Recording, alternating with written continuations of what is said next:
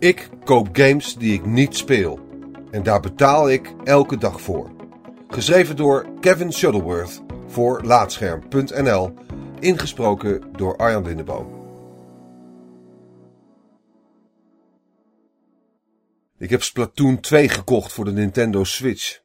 Gemiddeld scoort de game een 83 van de 100 en mijn vrienden zijn enthousiast, reden genoeg om het erop te wagen. Hoor ik mezelf nog denken. Wat ik heb gekocht is 60 euro aan spijt.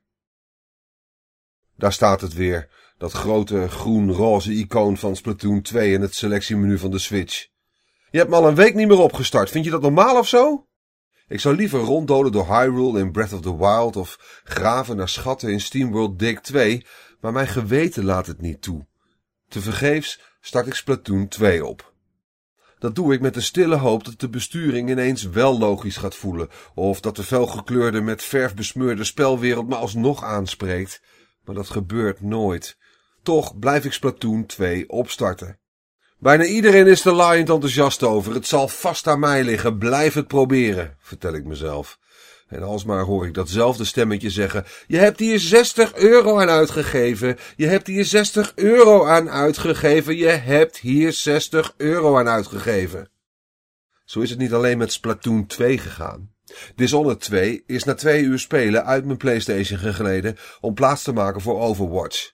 Als Steam een uitverkoop heeft, koop ik de ene na de andere game. Zoveel goedkope games, ik ben gek als ik daar geen gebruik van maak. Maak ik mezelf wijs. Een Humble Bundle lokt exact dezelfde reactie uit, maar omdat je daarbij codes krijgt om de games later te verzilveren, is dat ook nog eens, tussen aanhalingstekens, handig voor als er iemand jarig is. Die codes verdwijnen uiteraard ergens in de takkenbende die mijn inbox is, en zo breid ik mijn backlog steeds verder uit.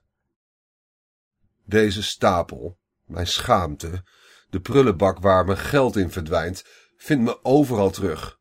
De was doen in het berghok. hey, ken je me nog? fluistert Sunset Overdrive met een neerbuigend toontje naar me vanaf de plank boven de wasmachine. Netflix kijken op mijn PlayStation 4? Hyperlight Drifter, Enter the Gungeon en Hitman houden me een spiegel voor, terwijl ik in een staat van lichte paniek naar het mediatapje scroll. Zelfs tijdens het poepen Twitter bijlezen geeft geen rust.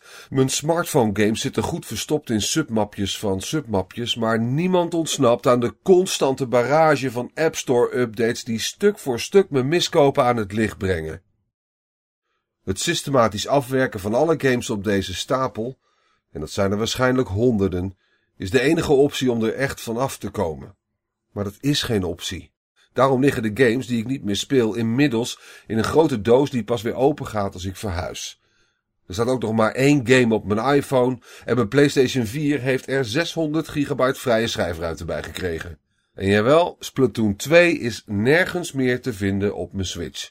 Zo sus ik de stemmetjes in mijn hoofd en kan ik tenminste nog genieten van de games die ik wel wil spelen. Zoals Near Automata, Yakuza Zero en Persona 5. Drie games die goed scoorden en waar mijn vrienden enthousiast over waren.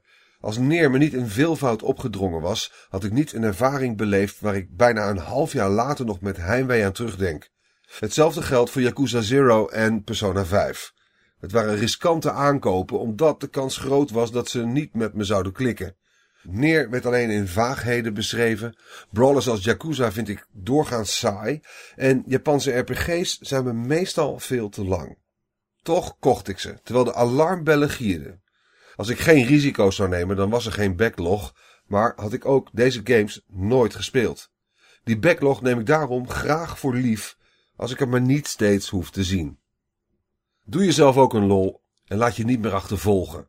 Dat geldt overigens voor meer dan alleen games. Zit je op de helft van een boek dat je eigenlijk niet tof vindt? Stop gewoon en leg het ergens ver weg. Geef je Breaking Bad voor de vijfde keer een kans, maar voelt het nog steeds als tijdverspilling? Zet je televisie uit. Word je ongelukkig van de moeilijkheid van Dark Souls? Smijt het schijfje uit je raam. Laat je miskopen niet nog meer kosten dan de prijs die je ervoor hebt betaald.